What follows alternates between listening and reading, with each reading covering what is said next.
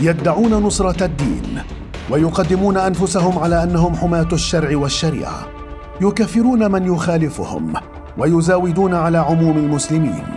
يزعمون امتلاكهم الطريق القويم ويتشدقون بحملهم مفاتيح الجنة والجحيم. إنها تلك الفئة المتنطعة الضالة الإخوان المتأسلمون. نكشف هنا عن حقيقة تلك الجماعة الضالة التي تتستر بالدين.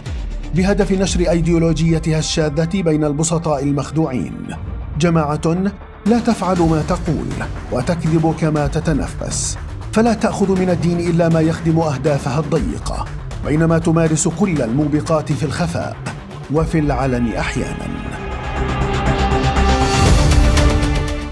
الرئيس التركي رجب طيب أردوغان ذلك الإخوانجي حتى النخاع يجسد مثالا صارخا على ذلك التناقض الإخوانجي بين تصريحات وخطابات تدعو لنصرة الدين وأفعال على أرض الواقع لا تمت للدين بأي صلة. الرجل الذي يعتبر نفسه سلطان الإخوان ويتحدث عن خلافة مزعومة ويدعو لاستعادة الإمبراطورية العثمانية يخالف جميع تعاليم الدين الإسلامي الحنيف والحديث هنا بالحقائق والدلائل.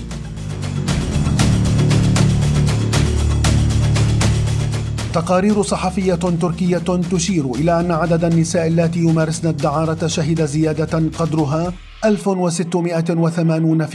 خلال فترة حكم حزب العدالة والتنمية فيما تمارس الدعارة في تركيا بشكل قانوني وفقا للمادة 227 من القانون رقم 5237 والذي يتيح مزاولة مهنة الدعارة وفتح بيوت الدعارة.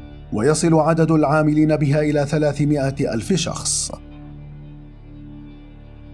تركيا تضم رسميا نحو 15 ألف بيت دعارة مرخص فضلا عن البيوت غير المرخصة.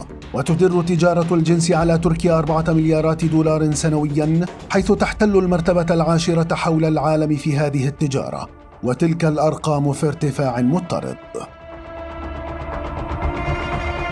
ليست الدعارة وحدها التي انتشرت وتزايدت في عهد أردوغان. فالمثلية الجنسية كذلك. بدأت في الصعود والانتشار فيما تشير تقديرات إلى أن عدد المثليين جنسيا يزيد على ثلاثة ملايين شخص.